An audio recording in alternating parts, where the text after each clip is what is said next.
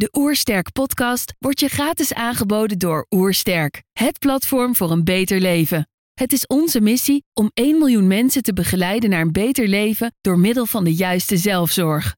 Wil je weten hoe jij kunt werken aan een beter leven? Ga dan naar www.oersterk.nu slash gezondheidscheck voor onze gratis gezondheidscheck en krijg direct jouw uitslag met persoonlijk advies. Mijn naam is Maarten Klatte en je luistert naar de Oersterk podcast.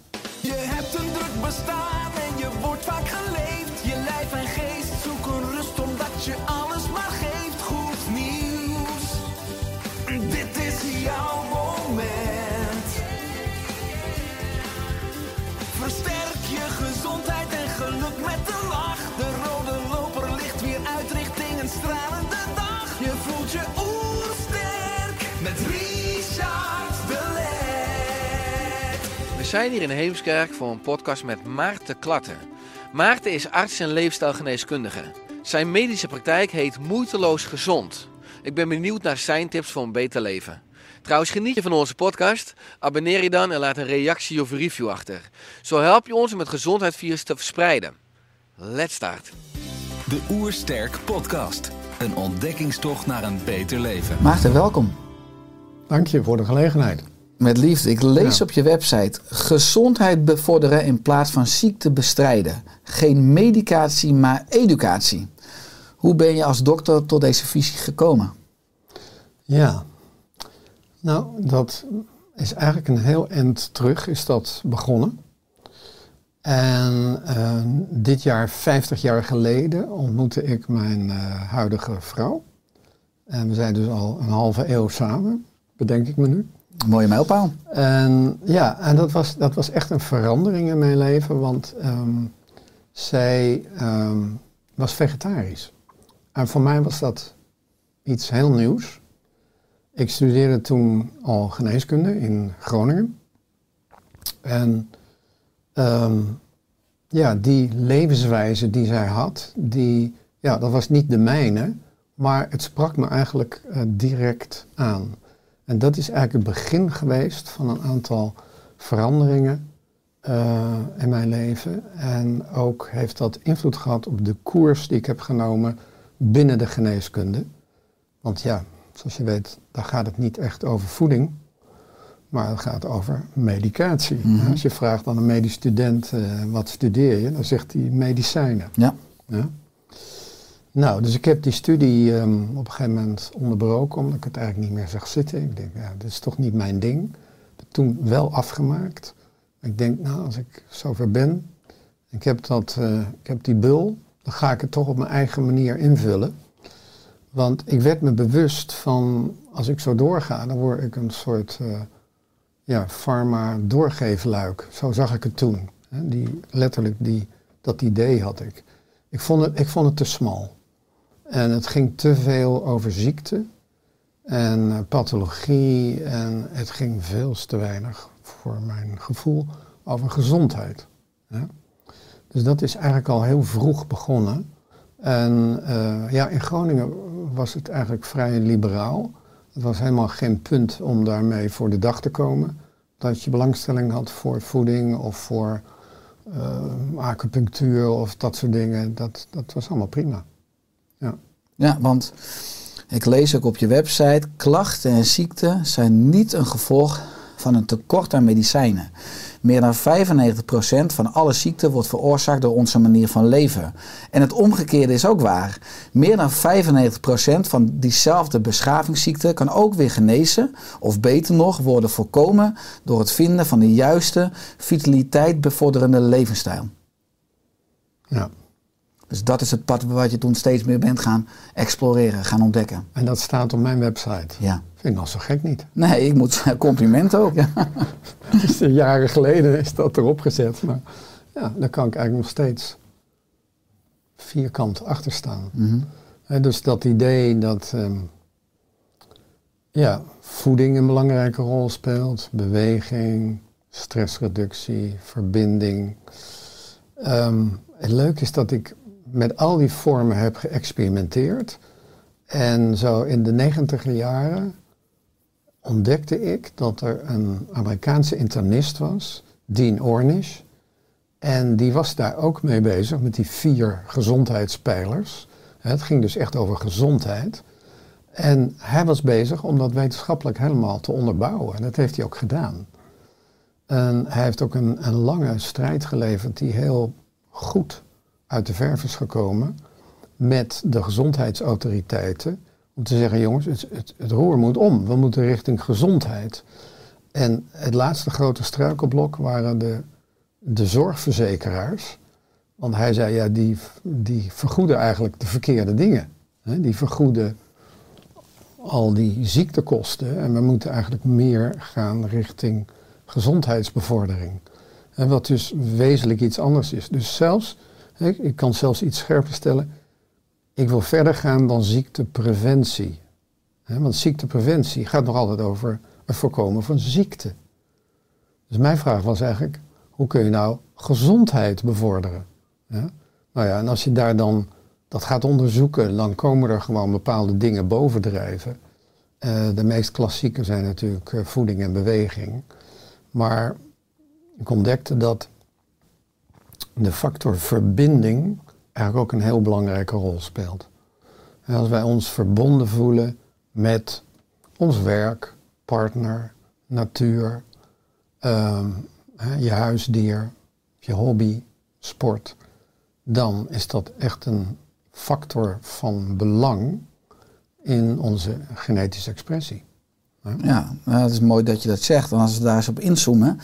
Ik zie op je website ook zeg maar, een klavertje vier hè, met vier blaadjes. Ja, ja. Je maakt in jouw aanpak inderdaad gebruik van vier leefstijlfactoren, namelijk voeding, beweging, loslaten en verbinding, hè, wat je nu aangeeft.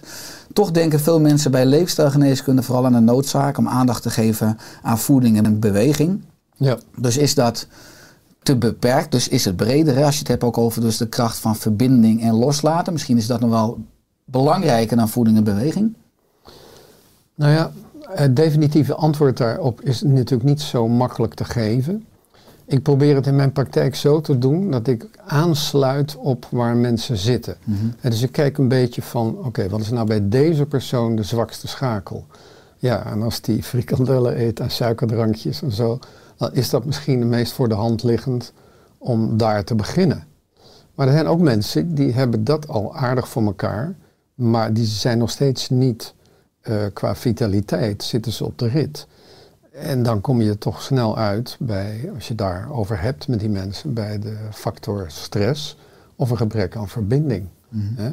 Dat ze werk doen wat ja, weliswaar geld oplevert, maar wat ze, waar ze verder niet echt ehm, door geïnspireerd worden. Ja? En dat loslaten, dat is naar mijn idee ook een belangrijke. Want, nou ja, goed, dat weet jij ook, stress is echt een factor geworden in de huidige samenleving. Niet alleen door tempo, maar gewoon de hoeveelheid dingen die op ons afkomen. De media, de informatie, de, nou ja, kijk maar naar die hele coronacrisis. Hè. Dus, dus mensen krijgen heel veel te verwerken. En naar mijn idee ehm, gaat het er ook om om een verhouding te vinden tot de wereld. En te gaan zien dat eh, je daar op verschillende manieren mee kan verhouden. En je, kunt, je kunt de wereld zien als iets buiten je. Je kunt het ook zien als dat je eigenlijk een onderdeel bent van die wereld. Ja? En dat die in principe niet ja, bedreigend is, zeg maar. Dat je niet je altijd gescheiden voelt van anderen, van de natuur, van nou ja, eigenlijk alles om ons heen. En dat, dat is een element. Het is wat lastiger om dat eh, te brengen bij een aantal mensen. Maar veel mensen tegenwoordig snappen dat bewustzijn een belangrijke rol speelt. Hè? Dat je je dus bewust wordt van wie ben ik en wat motiveert mij, waarom doe ik dit wel en dat niet. En ja, daar, daar ben ik ook les in gaan geven. Dat is een van de leukste dingen. Om eens te kijken van, ja, wie zijn we eigenlijk? Ja? We hebben nooit een gebruiksaanwijzing gekregen van de mens. Maar het is heel spannend om te kijken of je inclusief moderne wetenschap, meer kan ontdekken over wie zijn we nou in essentie. Ja? En ehm, ja, daar is een hoop te ontdekken. Dat is een fantastische vraag als je het ook hebt over de rol van het bewustzijn. En dan vooral wie zijn we nu in essentie en welke antwoorden heb je tot nu toe gevonden op jouw levenspad? Nou, eigenlijk de belangrijkste is dat, kijk, als we opgroeien, dan krijgen we natuurlijk waarden mee van onze ouders, opvoeders, leraren, et cetera. En op een gegeven moment kwam ik eh, tot de ontdekking dat alles wat wij ervaren verschijnt in een polariteit. Licht, donker, hard, zacht, boven, onder, eh, verleden, toekomst, ziek, gezond, eh, nou ja, enzovoort. Ik, ik kan eigenlijk niks bedenken wat niet ook een tegenpool heeft. En al vroeg ontwikkelen mensen een voorkeur voor de ene kant van de polariteit en meestal een afkeer voor de andere kant. Dus ehm, laten we zeggen, iemand die uh, opgroeit in een, uh, in een sociaal-economische situatie van, van armoede, die heeft daar waarschijnlijk uh, een afkeer van. En die neemt zich voor, dat zal mij niet gebeuren. dus die zal misschien met veel ambitie dingen gaan ondernemen, geld verdienen, ik noem maar een voorbeeld. Maar zo kun je dat met alles doen.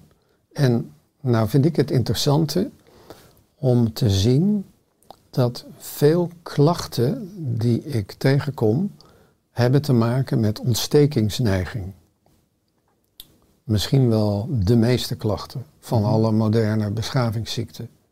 Mijn indruk is dat als wij ons verzetten tegen datgene wat we niet willen en proberen vast te houden wat we wel graag willen, dat die push-pull, dat duwen en dat trekken, dat dat eigenlijk de ontstekingsneiging in het lichaam bevordert. We weten dat voeding kan dat ook. Er zijn ontstekingsremmende mm voedingsmiddelen, er zijn ontstekingsbevorderen. Maar wat we denken en wat we voelen is niet neutraal. Ja? Een gedachte of een emotie wordt binnen twee seconden vertaald in een genetische expressie. En die kan zo zijn of die kan zo zijn. Die kan je reparatie en je regeneratie stimuleren of de ontstekingsneiging en beschadiging en, nou ja, enzovoort. Ja? Aftakeling. Dus dat, dat vind ik relevant om leefstijlgeneeskunde eigenlijk breder te maken dan alleen voeding. En uiteraard beweging, hè, waar iedereen zich van bewust is. En te kijken van wat zijn nog meer cruciale factoren die invloed hebben op de genetische expressie. En mijn indruk is, Richard, dat dat bewustzijn, dat dat eigenlijk een paraplu is die boven het geheel staat. En misschien is het goed om daar een voorbeeld van te geven. Kijk, ik spreek wel eens door met mensen hoe ze hun voeding kunnen optimaliseren. En dan hebben ze die kennis, hoe ze dat kunnen doen. Maar het kan zijn dat het toch niet lukt in de praktijk, omdat ze een weerstand hebben tegen, nou ja, regels of beperkingen of, uh, afgezien van de verslavingsfactoren, die bijvoorbeeld met suiker en, en onbewerkte koolhydraten, kunnen daar ook weerstanden zijn, waardoor ze het niet voor elkaar krijgen om die voeding goed te implementeren. Dus ik probeer mensen dan tools te geven waardoor ze niet alleen hè, de kennis hebben, maar ook vanuit hun bewustzijn de weerstand tegen een gezond leven kunnen laten varen. En dat bedoel ik eigenlijk met moeiteloos leven. Moeiteloos leven is leven waarin je um, eigenlijk je weerstanden tegen datgene wat je tegenkomt leert loslaten. Ja? Je leert het waarnemen. En um, nou, je leert eigenlijk ook dat er in het hier en nu geen problemen zijn. En met een probleem daar hebben we altijd een weerstand tegen.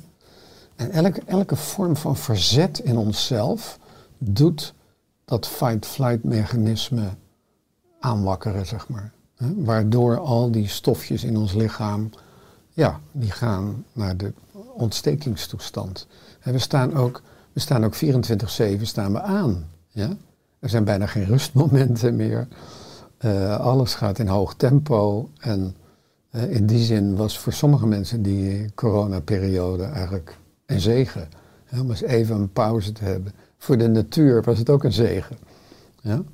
Ik heb foto's gezien van steden en dan zag je het uh, New York en Bombay voor de coronatijd en tijdens de lockdown. Nou, het is ongelooflijk wat je dan ziet. dus dat, dat is wel een, een bijzonder iets van deze tijd. Ik geloof dat het een unieke tijd is.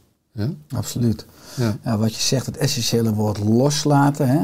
Ja. Wat we denken en voelen is niet neutraal. Hè? Het heeft een werking in de min of in de plus. Ja. En loslaten mentaal en emotioneel vermindert dus de ontstekingsneiging. En dit is de drijver van de meeste ziekten. Hoe kunnen mensen aan de ene kant beter loslaten en waarom hebben we zo graag de behoefte om controle vast te houden? Ja, ja, ja. Nou, dat is heel interessant. Als je dat gaat onderzoeken, dan blijkt dat we allemaal hebben we de behoefte aan controle. Ja? Net zo goed als we de behoefte hebben aan liefde of erkenning of goedkeuring. Dus dat is een van de basale behoeften, die behoefte aan controle. Nou is het gekke dat op het moment dat je gaat streven naar controle, ervaar je geen controle. Want je zegt eigenlijk tegen jezelf, ik heb er te weinig van. Ja? Dus op dat moment blokkeer je eigenlijk de ervaring van controle. En hetzelfde is met veiligheid, met zekerheid. Op het moment dat je ernaar streeft, ja, zeg je eigenlijk tegen jezelf, ik heb er te weinig van. Ja?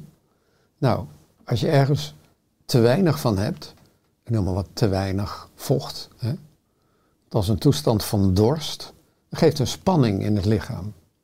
Ja? En mensen proberen die spanning weg te werken, maar dat lukt niet met je mind. Met je mind kun je niet loslaten. De mind is een grijper.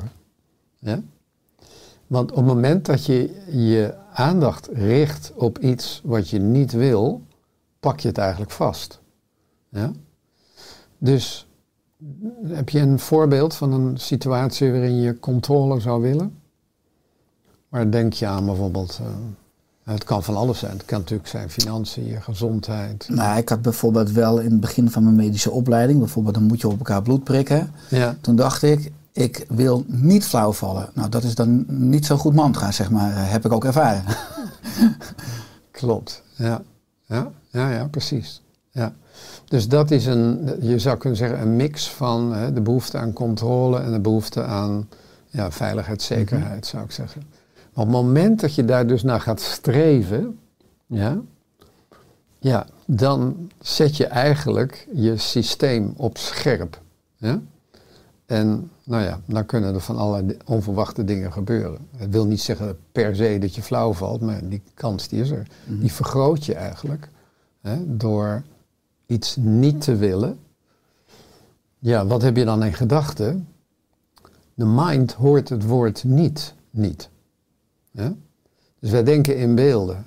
Als je zegt ik wil niet flauw vallen, dan, dan, dan, dan zie je bij wijze van spreken eh, beelden van mensen die flauw vallen of jezelf of zo. Dus ja, dat heeft dan een andere invloed dan als je dit zou doen in plaats van dit. Dus nou, daar, oefenen we dan mee in die workshops. Dat we zeggen tegen mensen, oké, kijk eens of je de gedachte of het gevoel simpelweg kan waarnemen. Kun, je het, kun je het er laten zijn, kun je het verwelkomen. En dat heeft een totaal andere invloed op ons wezen dan als je probeert iets wat je fijn vindt vast te houden, naar je toe te trekken, of iets wat je niet wil van je af te duwen. Dat versterkt eigenlijk datgene ja, wat je niet wil. Zijn het ook oefeningen uit de Sedona-methode, waar je veel mee werkt? ja, ja, ja. de Sedona-methode is ehm, nou ja, relatief nieuw in, eh, in Nederland. Vrijwel niemand weet wat dat is. Dus ik noem het vaak de kunst van het loslaten. Ja? En nou vind ik het interessante, dat voor mij was dat ook een enorme eye-opener. Toen ik dat leerde in 2005, Eh, daar ben ik voor naar, Amerika gegaan, naar het plaatsje Sedona. Daar ontleedde het de naam aan. Ehm, toen, eh, ja, toen kwam ik eigenlijk erachter van... Wij, wij hebben niet het goede gereedschap om los te laten. Hè, we proberen vrijwel alles in deze eh, maatschappij op te lossen. Alle problemen proberen we op te lossen met ons denken. Ja? Nou, dat is natuurlijk vaak heel nuttig. Ja? Maar loslaten kun je niet met je denken. Denken is een grijper. De, en loslaten is eigenlijk een keuze, dus een functie van de wil. En ik weet niet of jij vertrouwd bent met eh, het werk van Rudolf Steiner, maar die zei, de huidige mens ja, is heel wakker in zijn denken, is enigszins dromerig in zijn voelen, maar de wil die slaapt nog. We weten vaak niet wat we echt willen. Wat we willen wordt vaak, ja, nemen we vaak over van opvoeders, van, van eh, mensen die ja, in het onderwijs, van ouders, dat soort dingen. Maar wat, wat willen we nou echt? Nou, die wil, die gaat super veel sneller dan denken. Ja? Dus bij, bij, het, bij het denken ehm, heb je allerlei beschouwingen, theorieën, aannames, overtuigingen enzovoort. Maar de wil is eigenlijk alleen maar, ja, ik wil het wel of ik wil het niet. Ik laat het los of ik hou het vast. En daar maakt die methode gebruik van. Dus het is heel grappig om te zien. Toen ik in 2005 daar was voor mijn eerste opleiding, toen kwam ik een Canadese psychiater tegen. En ehm, die zei tegen mij dat ze al twaalf jaar met die methode werkte.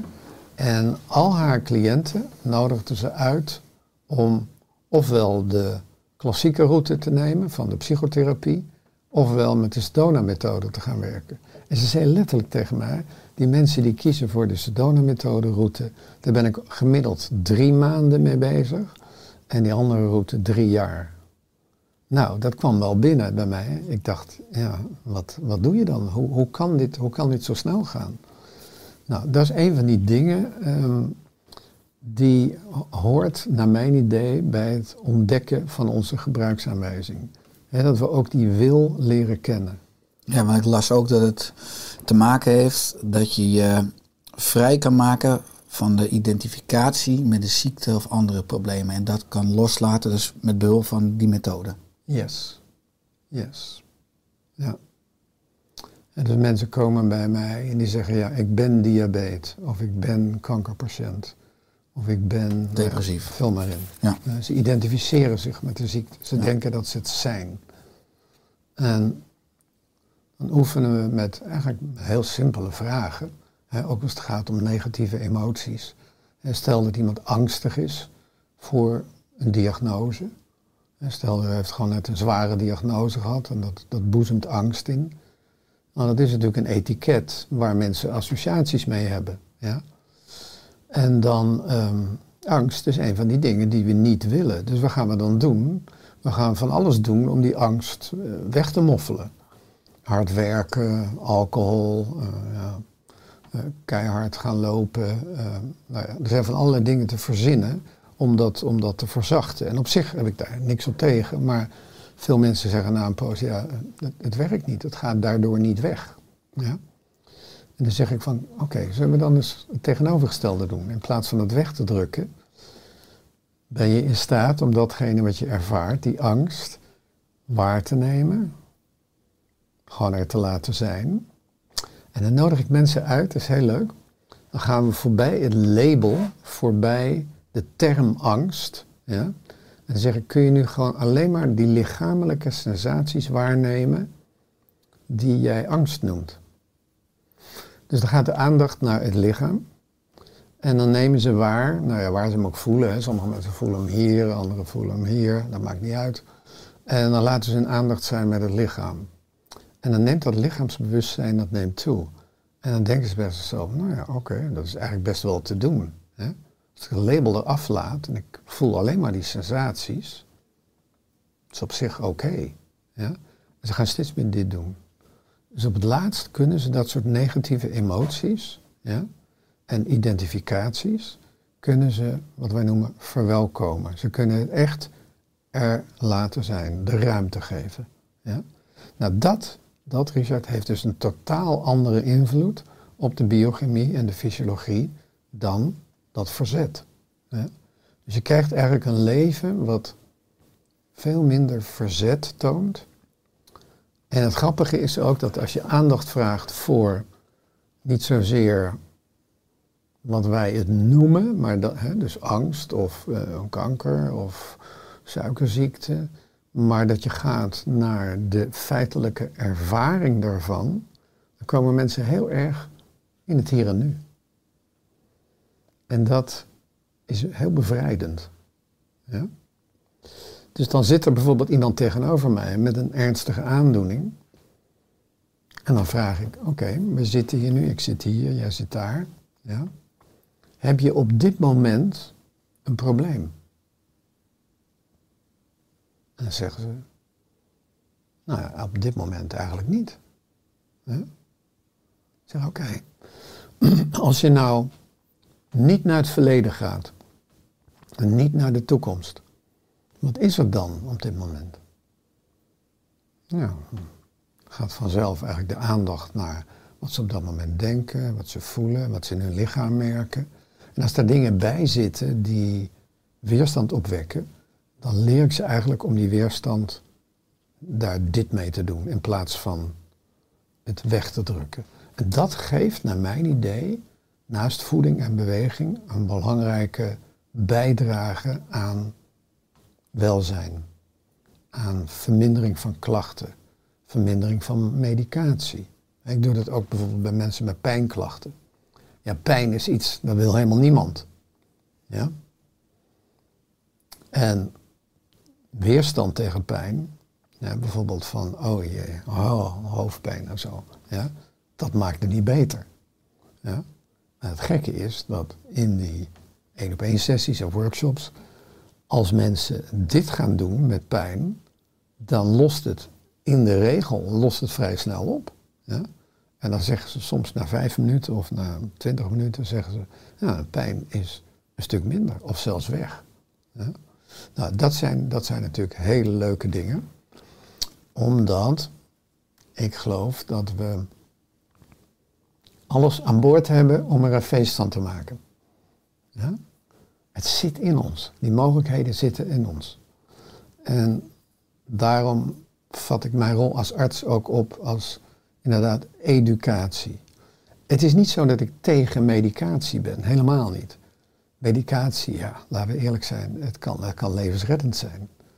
Als iemand een, een hersenschudding heeft na een trauma en je geeft hem uh, en, en, en het verdwijnt, dat, dat, dat redt iemand zijn leven. Maar op een gegeven moment neemt die medicatie, naar mijn idee, een veel te grote rol in in de geneeskunde. We, we moeten meer naar die gezondheid en niet naar het, het managen van ziekte. Ja, dus je hebt nog een stuk acute geneeskunde waar je het nu ook over hebt. En dan een stukje, tenminste, chronische aandoeningen die steeds meer voortkomen. Ja. Uh, ik zal zo nog even wat ingaan ook op die voeding en beweging. Hè. Je gaat nu dan vooral in op loslaten. Als vierde was verbinding. Verbinding, hè. ja. Ik lees ook op je website, uh, voor mij in een blog, een artikel. Het mens als afgescheiden zelf is een leugen. Het is een soort droom die niet waar is. En de diverse crisis waarin we ons nu bevinden, helpen ons om te ontwaken uit die droom. Want als we dan de brug maken nu naar de coronacrisis ja, eh, dat ligt erg voor de hand. Hè? Ja, las ik ook een recent artikel van je in een medisch dossier. En daarin sloot je het artikel fantastisch af, waar je schreef namelijk: virussen zijn geen levende, levende wezens zoals bacteriën en andere micro-organismen. Het zijn dragers van informatie. Ze spelen een vitale rol in de genetische expressie van de mens. Je kunt virussen zien als de taal van het leven. Laten we die taal beter begrijpen. Hoe kunnen we dus beter verbonden zijn en beter voor het leven zorgen? Ja, ja. Nou, dus jij had het over controle, we kunnen het hebben over hè, de, de, de behoefte aan van allerlei dingen. Um, het, het gaat hem eigenlijk om het soort relatie wa- wat we hebben met, met de werkelijkheid. Ja? Wij hoeven, want kijk, als ik, als ik kijk naar hoe jij en ik zijn opgeleid hè, tot, tot arts, dan zie ik eigenlijk een geneeskundig model wat probeert het menselijk lichaam en alles wat daarin gebeurt te domineren met medicatie, te controleren, te duwen, te trekken. En in acute situaties prima, maar in chronische situaties doet het ons op de lange duur geen goed. Ja? Een depressie is geen tekort aan Prozac, aan antidepressiva. Ja? Is het gewoon niet. Er is iets heel anders aan de hand. En op het moment dat je uit die eh, verhouding komt met het leven waarin je het gevoel hebt dat je het moet domineren, dat je ziekte moet bestrijden, ja, dan verandert niet alleen je mindset, maar ook je hele fysiologie. Ken je toevallig dat boekje van Bruce Lipton, ehm, De biologie van overtuiging. De biologie van overtuiging? Ja. boek, zeker. Dat is eigenlijk een heel mooi voorbeeld waarin, en, en Dawson Church is ook zo iemand, The Genie in Our Genes, ehm, die, ja, het is eigenlijk een epigenetisch verhaal, waarin we worden bevrijd van het, het, eh, het gedetermineerde model van, oké, alles ligt vast in je genen, hoe oud je wordt, welke ziekte je krijgt, hè, waar je vatbaar voor bent, eh, enzovoort. Totdat zo'n 20 jaar geleden de mensen ontdekten van, hé, hey, is dat eigenlijk waar? En we hebben lange tijd geloofd.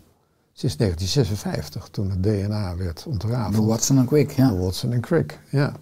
En toen dachten wij, nou ja, dit is de code van het leven. Hier, hier staat het geschreven. Dit is, eh, dit is je, je lot, zeg maar. Hè? Totdat er slimme microbiologen en, en, en genetici waren die zeiden, ja, maar wacht eens even. Genen zijn niet autonoom. Ja? Ze kunnen zichzelf niet aan of uitzetten. Maar waar komen dan die signalen vandaan die nodig zijn voor de genetische expressie? expressie? Die, al die commando's om bepaalde eiwitten te maken enzovoort. Waar komt dat dan vandaan? Toen kwam de grote grap. Die kwam dus niet uit de celkern, die kwam van buiten de cel. Ja? En wat zijn dat dan voor signalen? Nou, dan komen we dus op die, op die vier factoren. Die signalen zijn wat je eet, of je wel of niet beweegt, wat je voelt, wat je denkt. Ja? En natuurlijk de, de ervaring van verbinding. Dat zijn allemaal dingen die, die, die worden op een bepaalde manier vertaald. En die vertaling die is, je zou kunnen zeggen, vrij plat. Hè? Het is ofwel pluis of het is niet pluis, zeg maar. En dan worden bepaalde systemen aangezet. Je gaat richting reparatie, regeneratie of juist Degeneratie. slijtage. Ja. Ja. Ja, want als je het hebt over eh, epigenetica, vitaliserende voeding heeft ook een gunstig effect op epigenetica. Aan de andere kant is het merendeel van het aanbod in de supermarkt bewerkt en daardoor dood, hè, schrijf je ook. Hoe kunnen mensen nu ook, hè, als mensen nu luisteren of kijken, eh, gezonder eten? Wat zijn al eh, positieve eerste stapjes om met je voeding een positief effect te hebben op je epigenetica? Ja. Ja. Ja, ik, ik vind dat een heel lastig verhaal, want het is voor veel mensen heel anders. Er zijn mensen al, die bij mij komen, al jaren bezig met eh, te zoeken naar gezonde voeding. En die weten dat ze meer groenten moeten eten en zo. En er zijn natuurlijk groepen die nog helemaal aan het begin zitten. En ja, hun keuzes worden bepaald door wat ze lekker vinden en of, of het goedkoop is, zeg maar. Dus wij, wij leven in een, in een toxische omgeving als het gaat om voeding. Ik kom nog wel eens in een supermarkt, maar als ik daar kom, ja, dan loop ik eigenlijk meteen door naar de versafdeling. En dan hoop ik eigenlijk ook dat er producten bij zijn die eh, ja, niet bespoten zijn, zeg maar. Ja? Want dat is een ander stukje. Die voeding die is natuurlijk heel nauw verbonden met de bodemgezondheid. En die bodemgezondheid, ja, daar hebben we de laatste jaren ook heel veel over ontdekt. En ook hoe we die de nek omdraaien, zeg maar, dat bodemleven. Er is nog steeds, ik weet niet of het nou, ik weet niet of jij dat weet, dat, dat Roundup, dat glyfosaat, is dat nu uiteindelijk verboden in Nederland? Nou ja, voor Want mij wordt het nog steeds wel gebruikt. En hoor. ik zie nog steeds boeren die het spuiten. Ja. En dan zie je dus die, die velden die eerst groen waren, die worden helemaal oranje. En de ramp met dat spul is dat het dus wateroplosbaar is. Dus het komt in het hele ecosysteem. Vrijwel iedereen heeft het in zijn body. Mhm. Het is uit navelstreng bloed gehaald. Het, is, nou, het zit overal. En het is een, ehm, een niet zo best goedje. Nee, het heeft een eh, enorm negatieve uitwerking op de biodiversiteit. Natuurlijk al in de grond, maar ook in onze darmen en ons lichaam. Dus nogmaals, Ja. alles is één. En ze noemen het een gewasbeschermingsmiddel. Maar dat is echt een hele leugenachtige term. Want het is eigenlijk, het is eigenlijk in essentie, en zo is het ook destijds in 1972 het patent, is gevraagd op een antibioticum. Het is dus echt iets wat leven doodmaakt. Nou, als we dat in onze darmen krijgen, ja, dat is natuurlijk niet oké. ja? En ja, ik zit tussen de boeren daar op de Utrechtse Heuvelrug. En die vinden het makkelijk. hè. Dus die gebruiken het graag, legaal of illegaal. Ze spuiten het gewoon. Dat is niet zo oké. Dus ja. er komt eigenlijk een factor bij, hè, bij die voeding. Er komt eigenlijk een factor bij.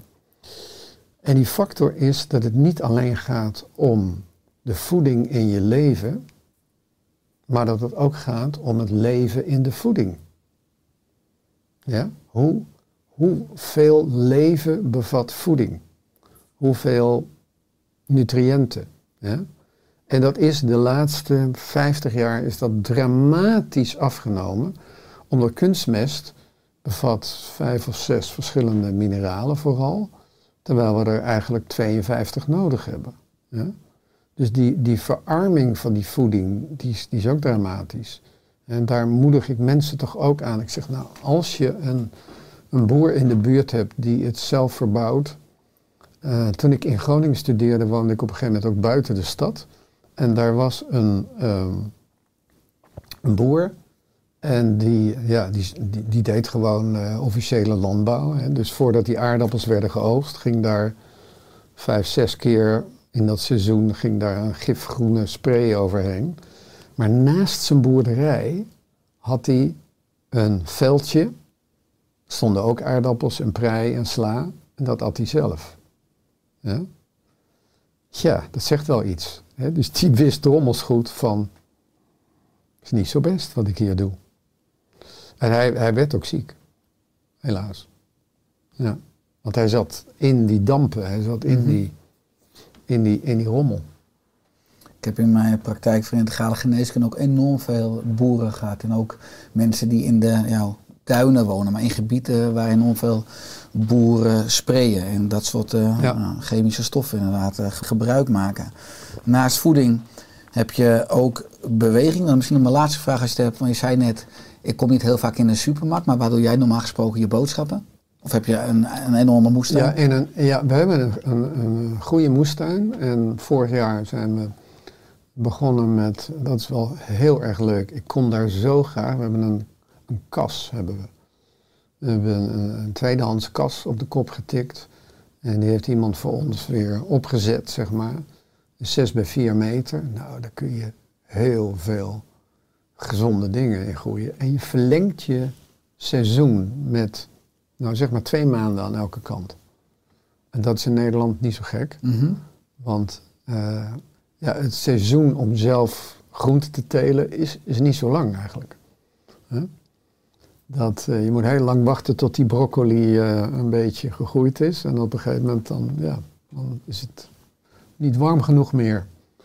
En met zo'n kas is dat wel heel leuk. Dus daar, daar proberen we zoveel mogelijk te doen. Ik probeer ook, eh, ja, ik, veel van mijn vrije tijd besteed ik aan die moestuin. Mijn vrouw doet de siertuin. En ehm, zo werken we veel samen buiten. Een van de plezierige dingen is dat je met je handen in de grond zit. Ja, dus, eh, en dan even zo doet, weet je wel. Langs je mond. Dat is mooi, want je hebt natuurlijk als je 6 bij 4 zeg je, dus 24 vierkante meter. Je bent dan veel in beweging en je bent bezig met het voeding, want dat is de andere kant. Ja. Iedereen weet natuurlijk het belang van beweging. Eh, dat schrijf je zelf ook op je website. Toch vinden velen het kennelijk niet belangrijk genoeg, schrijf je, om er echt iets aan te doen. Hè? Steeds meer mensen leiden een zittend leven. Ja. En wat is jouw visie op beweging en op beweging komen? Of in beweging komen? Wat je ook schrijft, de meeste mensen weten het vrij goed, maar brengen dit vaak niet in de praktijk. Vaak zijn het hardnekkige gewoonten die ons gedrag sturen. Hè? Dat is denk ik Ja. ook heel veel mensen die nu luisteren of die kijken. Het leuke is trouwens wel als mensen die luisteren, die doen het vaak ook terwijl ze aan het wandelen zijn of terwijl ze aan het sporten zijn. Als mensen kijken, dan zit je natuurlijk vaak hè, achter het scherm. Eh, maar hoe kijk je naar het perspectief eh, van bewegen? Want niet iedereen heeft de noodzaak van een kas van 6 bij 4 meter. Nee, en we hebben ook nog een hond. Dus die laat ons uit. Ideaal, wij ook, ja. Ja. Die En, eh, ons uit, mooi. Ja. En dat, eh, ja, dat, dat, dat doen we dus. We hebben, bossen vlakbij, 100 meter, en dan zitten we in een bos. Dus dat, is, dat doen we echt elke dag. Ehm, ja, een visie op bewegen. Kijk, ik, ik, zie natuurlijk veel mensen met klachten en die hebben ook toch vaak overgewicht. Eh, Te veel, te veel van dat buikvet. En inmiddels weten we dat, dat dat is niet neutraal. Daar worden allerlei stoffen geproduceerd die zijn ja, ontstekingsbevorderend. Hè, dus ik, ik vertel mensen daarover, maar dat is niet genoeg. Nou zijn er, er is een groep mensen die is gewoon met geen stok naar de sportschool te krijgen. En als ze gaan winkelen, dan pakken ze de auto of de brommer. Eh, Dus die bewegen haast niet. Dus daar ga ik echt, eh, die mensen stel ik voor, laten we nou eens kijken, wat is je weerstand tegen beweging? En dan gebruik ik dus een combinatie van voeding, beweging en de Sedona-methode om weerstanden tegen een gezond leven, want die zijn er echt, ja, om die op te lossen met die methode van het loslaten. Ja. En dan neem ik ze letterlijk bij de hand. In mijn praktijk heb ik zo'n eh, zo'n rebounder staan, zo'n zo'n mini-trampoline. Zo'n Bellicon trampoline. Bellicon. Ja. En eh, die zijn heel elastisch. Dus ook mensen met gewrichtsproblemen, dat, dat is zo elastisch, dat is net een soort schokbreker, zeg maar. Dus die neem ik letterlijk bij de hand in mijn praktijkruimte. Dan zeg ik, nou, laten we even hierop gaan staan. Hoe voelt dit? Nou ja, en dan laat ik ze dus echt heel dicht komen bij hun ervaring.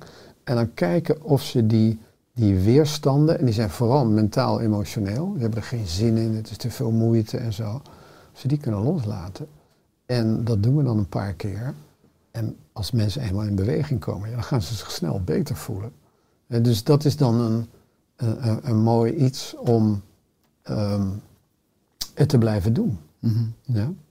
En hetzelfde, ik gebruik iets, ja, dat wordt niet als wetenschappelijk gezien, maar, eh, en ik pretendeer ook niet dat het dat is, maar ik gebruik ehm, beelden van, een- met een donkerveldmicroscoop. Dus ik neem een druppel bloed af en ik laat ze zien hun, ja, eigenlijk bij 20.000 keer vergroot, beelden van hun eigen interne milieu.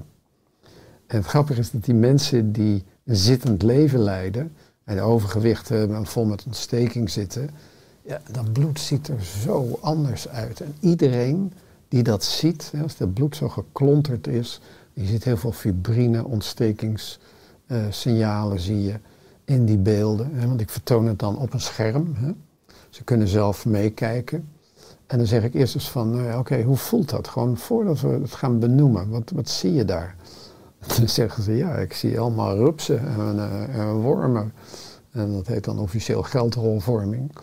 En dan, dan zijn er heel wat die zeggen, het is precies zoals ik me voel. Hè? Echt verkrampt en ehm, niet in beweging te krijgen.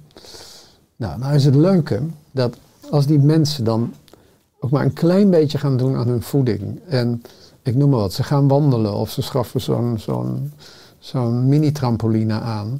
En ze komen na vier of zes of acht weken terug en we kijken opnieuw. Zijn er altijd veranderingen. En dan zeggen ze, oh wauw, dat ziet er heel anders uit. Ik zeg, ja, jij hebt de regie over wat er onder de huid gebeurt. Heb jij invloed op. En zo probeer ik ze een beetje los te maken van een geneeskunde die wel van allerlei dingen doet voor mensen, maar niet mensen zelf aanspoort om ja, zelf de regie te nemen. hè. Ja, dat is mooi. Want als ik kijk naar jouw weg en jouw levenspad. Hè, want na jouw reguliere artsopleiding deed je eerst vijf jaar wetenschappelijk onderzoek in het Erasmus. Naar de invloed van onze wil of eh, onze intentie Ja. op genezingsprocessen. ja. En wat heb je toen geleerd? Nou, ik heb, ehm, ik heb geleerd dat heel veel mensen niet per se beter willen worden. Ehm, en dat zit hem ook weer in ja, identificatie, de secundaire ziektewinst. En ehm, dat die, die wil, hè, dat is dus eigenlijk een beetje een gebied wat we nog niet zo goed kennen met z'n allen. Ehm, die, die kun je oefenen, net zoals een spier. Hè. Als je een spier vaak gebruikt, dan, dan neemt die toe in kracht. En wat we eigenlijk hebben ontdekt daar met die tien artsen die dat onderzoek deden, is dat ehm, de wil of de intentie is van invloed op het verloop van een ziekte of een genezingsproces. Ja, dat hangt samen. En Marco de Vries, die was daar hoogleraar, algemene ziekteleer. Die heeft Professor, ook- ja. die heeft ook samengewerkt met eh, Rudy Balieu, die Mhm. eh, immunoloog. In Utrecht zat hij, geloof ik. En die liet ook gewoon zien dat als mensen ja, in een depressie zaten of een negatief zelfbeeld hadden of zo, dat ze eigenlijk, ja, ze wilden, ze vonden zichzelf niet de moeite waard om gezond te eten en te gaan bewegen en die moeite te doen. En ehm, dan zag je ook dat ehm, daar een, een, echt een samenhang was tussen eh, of de wil levendig was in iemand, of die deelneem, deelnam aan het leven, en de, de, de paraatheid van het immuunsysteem. Ja? Dus dat vond ik heel boeiend toen. Dat was een stuk zelfafwijzing dan wat heel veel mensen hadden. Ja, Ja. ja, Ja, want daarna nam je enkele jaren deel in het onderzoeksgerichte Instituut voor Ecologische Gezondheidszorg. ja, Ook hier ging het in eerste instantie niet om ziektebestrijding, maar om gezondheidsbevordering. En vooral ook op innerlijke ontwikkeling, hè, van slachtoffer naar deelnemer. Waarom is dit zo belangrijk? ja. Ehm, kijk, als je kijkt naar de energie van een slachtoffer, dan is die heel laag. Ja?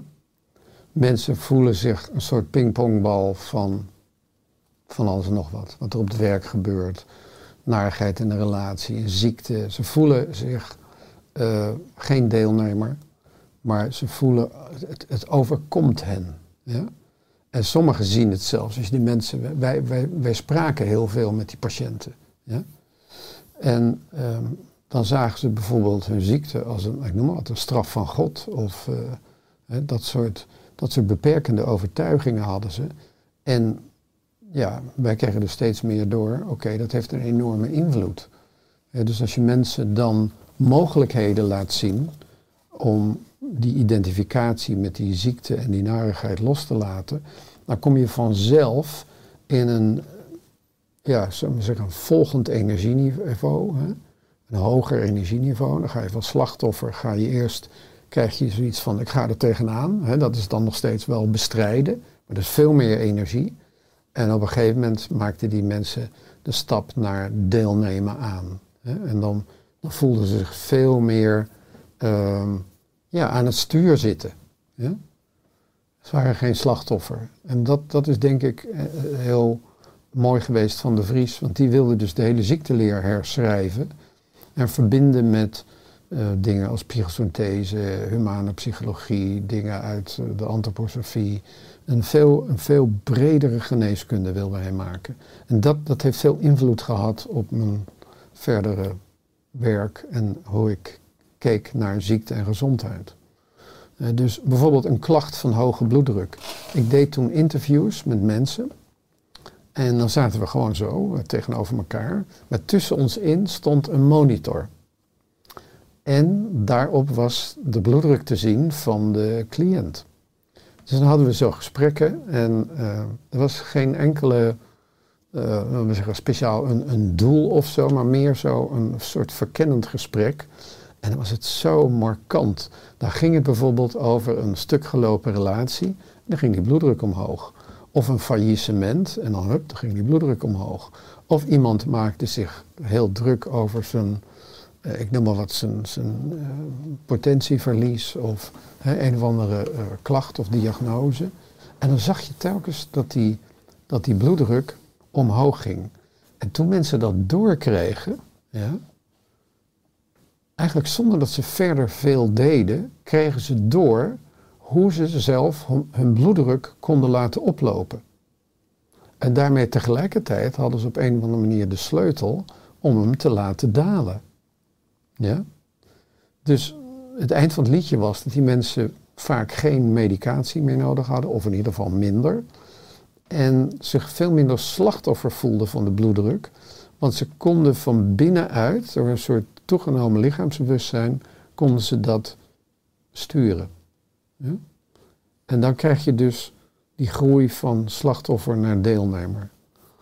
Ja, mooi als je het hebt over hoge bloeddruk, hypertensie. Komt natuurlijk enorm veel voor. Ja, Heel veel mensen worden dan ook bang voor zout, hè, ook zout op het eten. Ja, ja. Eh, op jouw website eh, staat ook een Engels artikel over zout, geschreven door de Amerikaanse arts David Katz. Eh, wat is zijn visie, of ook jouw visie op zout? Ja. Ja. Ja, zout hebben we nodig. Ik geloof wel dat je wel onderscheid moet maken tussen, tussen wat voor zout eet je. Hè? Want net zoals je hebt, ehm, ik denk bijvoorbeeld even aan kinderen in Egypte, in het gebied langs de Nijl, die kauwen dus op eh, suikerriet, die hebben geen tandbederf. Want in dat suikerriet zitten nog alle enzymen, mineralen, spoorelementen. En er blijft dus een balans in die, in die mond. Geen tandbederf. Maar wat doen wij in het Westen? We gaan dat zout, die suiker gaan we raffineren. Alles gaat eruit. Alleen de calorieën blijven achter. En dat consumeren we in grote hoeveelheden. En ze stoppen het overal in. Zo'n soort gelijk verhaal kan je eh, houden voor zout. Zout wordt ook geraffineerd. Er wordt dan wel jodium aan toegevoegd. Eh, maar dat zout is naar mijn idee niet het soort zout waar je lichaam om vraagt. Je lichaam vraagt om ongeraffineerd zout. Hè, bijvoorbeeld Bretons zout of Keltisch zout. Of eh, met het Himalaya zout moet je volgens mij oppassen. Want dingen die uit die regionen komen, die zijn soms vervuild. Hè. Maar we, we, we hebben zout nodig. Zout is het zout des levens. Ehm, interessant is dat er is een tijd geweest waarin de Griekse soldaten, ehm, die kregen ehm, hun salaris kregen ze uitbetaald in de vorm van een zakje zout. En daar komt het woord salaris vandaan, sal. Hè? Dus daar was letterlijk het inkomen dat had te maken met een primaire levensbehoefte, namelijk zout. Ja? Dus zout zit, zit in vrijwel alles, in kleine hoeveelheden. En daar, daar heeft het ook. Hè. Het zit in, in, ik bedoel, de meest zoute groente is geloof ik selderij. Hè? Selderij stelen, selderij knol, daar zit vrij veel zout in. Eh, maar in alle, in alle groenten zit een, een beetje zout. Ja? En ik denk dat op die manier het naar binnen krijgen is heel goed. Maar wij groeien op met ja, voeding die zo rijk is aan suiker en zout, dat we wennen aan die prikkels. En we vinden dus eh, voeding waar geen zout aan toegevoegd is, vinden we flauw, vinden we niet lekker enzovoort. En het is puur een kwestie van wennen. Dus ik zeg ook tegen mensen van oké, je hebt het zout nodig, maar het zit in heel veel dingen. Je hoeft niet heel veel toe te voegen. En na ongeveer een maand is die smaak gewend aan minder zout. Ja? Dus zo probeer ik mensen een beetje te, te coachen op het gebied van zout en suiker. En ja, zout, suiker, vet, dat zijn eigenlijk Want dat is hard nodig als je het hebt over boosdoeners. Ja, over zout. Afgelopen jaar is voor veel mensen natuurlijk een bitter jaar geweest hè, met de coronacrisis. Eh, misschien ook als je het hebt over de aanpak van eh, het kabinet. Eh, Ik las op de website van Medisch Dossier ook een artikel van jou met de kop. Het onderwerp dat het RIVM laat liggen. 12 stappen naar een beter immuunsysteem. Heb je enkele tips? Ja, ja. Kijk, het lijkt wel alsof in dat jaar, alsof we het vertrouwen in ons eigen immuunsysteem hebben verloren. En uitsluitend nog als enige oplossing hè, uit de lockdown en de misère zien het vaccin. Dus het is net een ijssalon met, eh, met één smaak. Hè? Dat, eh, dat is het enige wat ze eigenlijk aanbieden.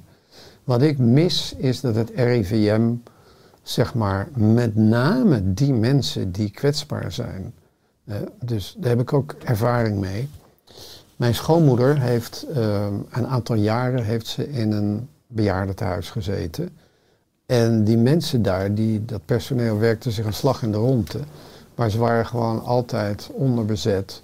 En ze hadden dus heel weinig tijd om echt aandacht te geven aan ja, die kwetsbare groep in onze samenleving. Dus ze kwamen niet buiten, geen zonneschijn, dus geen vitamine D3 aanmaak. Maar ze kregen dat ook niet extra als supplement. Nou, een van de dingen die mij opviel, ik weet niet of het jou is opgevallen, maar eh, ik zag diverse studies eh, passeren waarbij ze vast hebben gesteld dat die mensen die het vreselijk voor hun kiezen hebben gehad, eh, en sommigen zelfs zijn overleden aan corona, die hadden allemaal een veel, veel te laag D3-gehalte. dus D3 is een belangrijke stof. Zink is een belangrijke stof. Eh, vitamine C is een goede antivirale stof. Ehm, nou ja, er zijn heel veel stoffen die helpen, maar waarom horen we daar niks over? Het lijkt net alsof het niet mag. En jij weet ook dat we collega's hebben, die hebben hun nek uitgestoken. Ik denk aan, aan, Rob Elens, en, en, maar ook iemand in Groningen, die heeft op een gegeven moment iets geroepen over resveratrol. En mensen die hebben gezegd van quercetine helpt, en zink en zo. Het is allemaal, het leek wel of het niet mocht. En ja, dat vind ik heel jammer dat de media eigenlijk hun kritische rol, om het officiële verhaal eens tegen het licht te houden en te zeggen, klopt dit allemaal wel, die was er niet. Dus iedereen moest één kant op kijken. En ja, als, als ik nu nog steeds vandaag de dag uh, ivermectine zou voorschrijven, hè, dan, krijg ik, dan heb ik het risico dat ik 150.000 euro uh, boete krijg van de inspectie. Ja, maar hoezo? Er zijn allerlei studies die laten zien dat het helpt. Ik geloof overigens niet dat ivermectine alleen hè, voldoende is. Net zoals hè, ook zo'n virus waarbij we lange tijd hebben gekeken van wat helpt hier nou echt. Het HIV-virus en uh, de ziekte AIDS. In het begin gaven we dan één enkel middel, maar dat deed dan niet veel, die mensen die overleden. En op een gegeven moment ontdekte men, oké, als je nou een cocktail geeft van dit en dat en dat, ja, dan werkt het. Dus dat zou ik nu ook uh, als tip hebben. Hè. Doe, doe een cocktail als, het, als je behandeld wordt uh, thuis. En dat is het grote manco. Ja. Mensen werden getest, ja, werden positief getest of hadden klachten. En wat kregen ze dan te horen? Thuis blijven. En dan moest je dus thuis blijven totdat het zo erg werd dat je in het ziekenhuis werd opgenomen.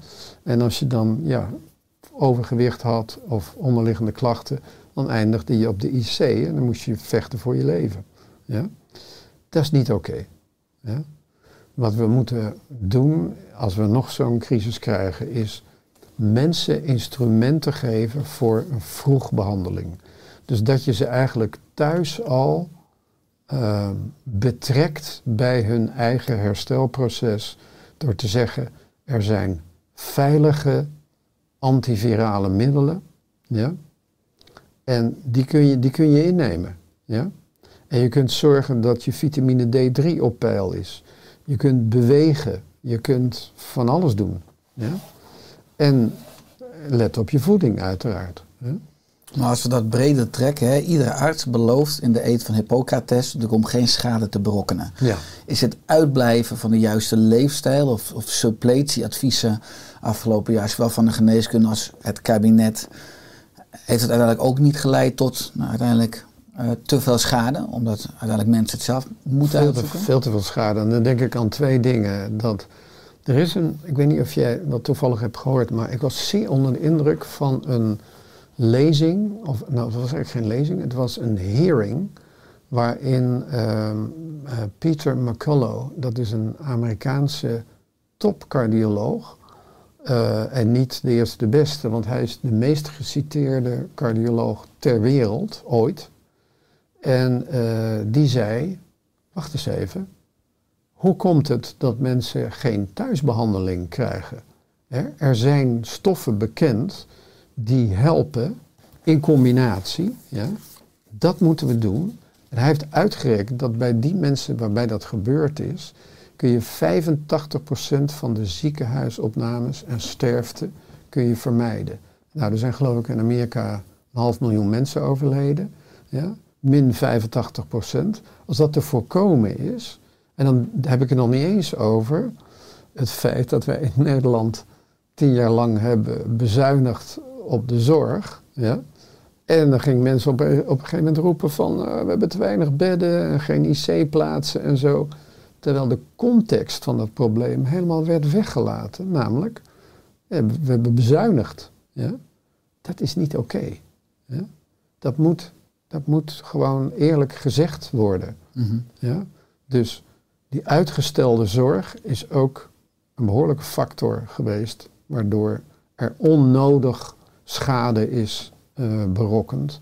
Dus ja, het, het kabinet en het RIVM krijgen van mij een dikke, dikke onvoldoende als het gaat om. eh, en, en ja, weet je, die collega's die hun nek hebben uitgesteken, gestoken, dat die zo zijn neergemaaid. Dat, dat doet pijn. Dat vind ik vreselijk om dat te zien. Ja, maar we zitten nu in de zomer. Hè. Iedereen is nu druk bezig met een vaccinatiepaspoort. Ja, Ik las een ander artikel van je medisch dossier met de titel De vaccinatiefuik. ja. Eh, wat is jouw visie op, op vaccineren? Rondom dan corona hè, nu. Ja, ja, ja. Nou, ik ben zeker niet tegen vaccineren. Ja. En eh, een aantal van mijn kinderen, niet allemaal, zijn gevaccineerd. Ik probeer heel erg te kijken van, is het voor deze persoon eh, nuttig, nodig, veilig? Ja? Dus ja, als ik naar een land ga waar gele koorts heerst, dat is een hele ernstige ziekte, dan haal ik een, eh, vaccin daartegen. Ja? Of als ik, als een van mijn kinderen viel op straat en had een open wond, kreeg hij een, eh, een tetanusinjectie. Dat soort dingen hebben mijn vrouw en ik altijd eh, toegepast in, op onszelf of ons gezin. Dus ik ben, ik ben daar niet tegen. Maar naar mijn idee moeten we differentiëren en niet zeggen van one size fits all. Iedereen moet aan het vaccin, eh, want het is niet nodig. Ja? Uiteindelijk geloof ik dat de WHO de coronacijfers, de IFR, de Infection Fatality Rate, ehm, heeft bijgesteld van 0,23 naar 0,15 procent, als ik me goed herinner. Daarmee is het een normale seizoensgriep. En oké, je kunt niet ontkennen natuurlijk dat sommige mensen het zwaar te pakken gehad hebben. Het was een hele pittige griep. Maar laten we dan focussen op die mensen die de risicofactoren hebben. En die mensen goede voeding geven, extra D3, vaccineren. Hè, één keer is misschien genoeg. Misschien hoeft het geen twee of drie keer. En op die manier eh, een groep die echt kwetsbaar is, eh, daarmee helpen. Maar nu praten ze ook al over kinderen vanaf 12 jaar. Vanaf twee jaar in Amerika, zelf over baby's in Amerika. Over Ja. baby's en zwangeren Ja. zijn daar ingeënt. En dan denk ik, hoe kun je dat doen? Richard, dit middel, ja, die, die, die Pfizer-vaccin en, en Moderna en, en, en die andere Janssen en, en et cetera, die zijn nog niet eens goedgekeurd. Ja? Hoe kun je nou een middel wat niet eens is goedgekeurd, ja, er is een voorlopige toestemming gegeven, zo van nou, laten we maar eens kijken hoe het gaat. Ja? En als het, als het blijkt niet veilig te zijn, dan, dan, dan trekken we die, eh, die eh, toestemming die trekken we in. Dan, dan gaat het middel van de markt. Nou ja, dat is ook een beetje gebeurd met AstraZeneca, met Janssen. We, we zijn aan het aftasten. Is dit middel veilig? We weten het niet. Ja? Dus ga het dan niet geven aan gezonde mensen. Ja? En naar mijn idee is ook een fabeltje. eh, daar is natuurlijk ook nog wel controverse, maar is een fabeltje dat gezonde mensen maken anderen niet ziek. Het artsencollectief zegt dat ook, ja. Dus dat, dat, dat asymptomatische overdracht, ja, dat is misschien zo, maar dat is opgeblazen. Mensen zijn daar bang mee gemaakt. Dus de kinderen mochten niet meer naar opa en oma enzovoort. Het is, het is geen wetenschap. Dus deze campagne gaat niet over het virus, die gaat over het vaccin. En het zou moeten gaan over het virus en hoe treed je een virus tegemoet. Ja? En naar mijn idee is het ook niet nieuw. Ja? Eh, het lijkt heel erg op de, op de varkensgriep, de, de sequencing. Dus iets van 80% overeenkomst. En ze hebben ontdekt dat mensen die destijds de, de varkensgriep hebben gehad, de swine flu, dat die mensen hun memory cells, die herkennen dit virus. Dus zo nieuw is het niet. Nou, en of het uit een lab komt, ja, misschien komen we daar nooit achter. Ik bedoel, dat is ook een factor waarvan ik denk van, hmm, Ja, eh, vreemd. ja Ja. ik ben het met je eens. Ja, als je Dus het we, hebt, ja. we, we- we moeten eigenlijk, we moeten eigenlijk de mensen voorzien van mogelijkheden om hun eigen immuunsysteem super, ja, ik zou ook zeggen, oersterk te maken. Zodat het helemaal niet nodig is. Want als je immuunsysteem. Kijk, iedereen weet dat je geen enkele infectie, of het nou viraal is, of bacterieel, of parasitair of zo. Je kunt er niet overwinnen zonder een, goed functionerend immuunsysteem. Laten we daar nou naar kijken. Laten we kijken naar die gezondheidskant. Laten we kijken naar hoe kunnen wij antwoord geven op iets wat ons tegemoet komt, in plaats van het hè, plat te bombarderen, zeg maar. Want virussen hebben een rol. Ja? En naar mijn idee is er geen coronapandemie. Er is een pandemie van vitamine D3 tekort. Ja? Onvolwaardige voeding. Dode akkers. Luchtvervuiling. Water wat verontreinigd is met medicijnresten. Pesticiden. Eh, nou ja, ga zo maar door. Ja? ja, eens. Ik ben het met je eens dat we ook hier naar de grondoorzaken moeten gaan in plaats van het symptoom behandelen. We moeten echt naar die basis toe. Ja? Je, kunt, je kunt het echt niet slimmer en beter doen dan de natuur. Ja? Dat is een arrogant idee, naar mijn idee. Ik ben het met je eens. We zijn inmiddels alweer ruim een uur aan het kletsen. Tijd vliegt. Ik heb nog heel veel vragen voor je, Heel veel vragen. Brandlos. Voor, voor nu, nou, ik ga hem zo afronden. Zijn er nog dingen die je graag wilt toevoegen aan het einde van de podcast?